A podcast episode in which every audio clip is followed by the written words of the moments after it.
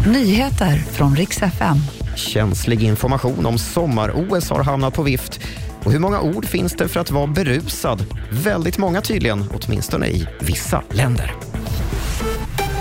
God morgon. Vi ska börja i Paris där känslig information om sommar-OS kan ha hamnat på vift. På en tågstation fick en ingenjör sin dator och två stycken USB-minnen stulna och på dessa fanns tydligen polisens säkerhetsplaner inför sommarens olympiska spel. Säkerheten väntas bli rigorös under OS. 2 000 poliser och runt 35 000 säkerhetsanställda ska vara i tjänst. Och nu har fransk polis startat en utredning kring den stulna informationen.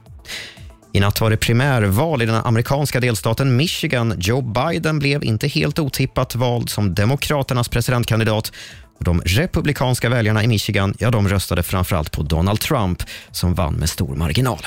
Han har nu tagit hem alla de fem primärval som hittills ägt rum och detta då i konkurrens med sin tidigare FN-ambassadör Nikki Haley.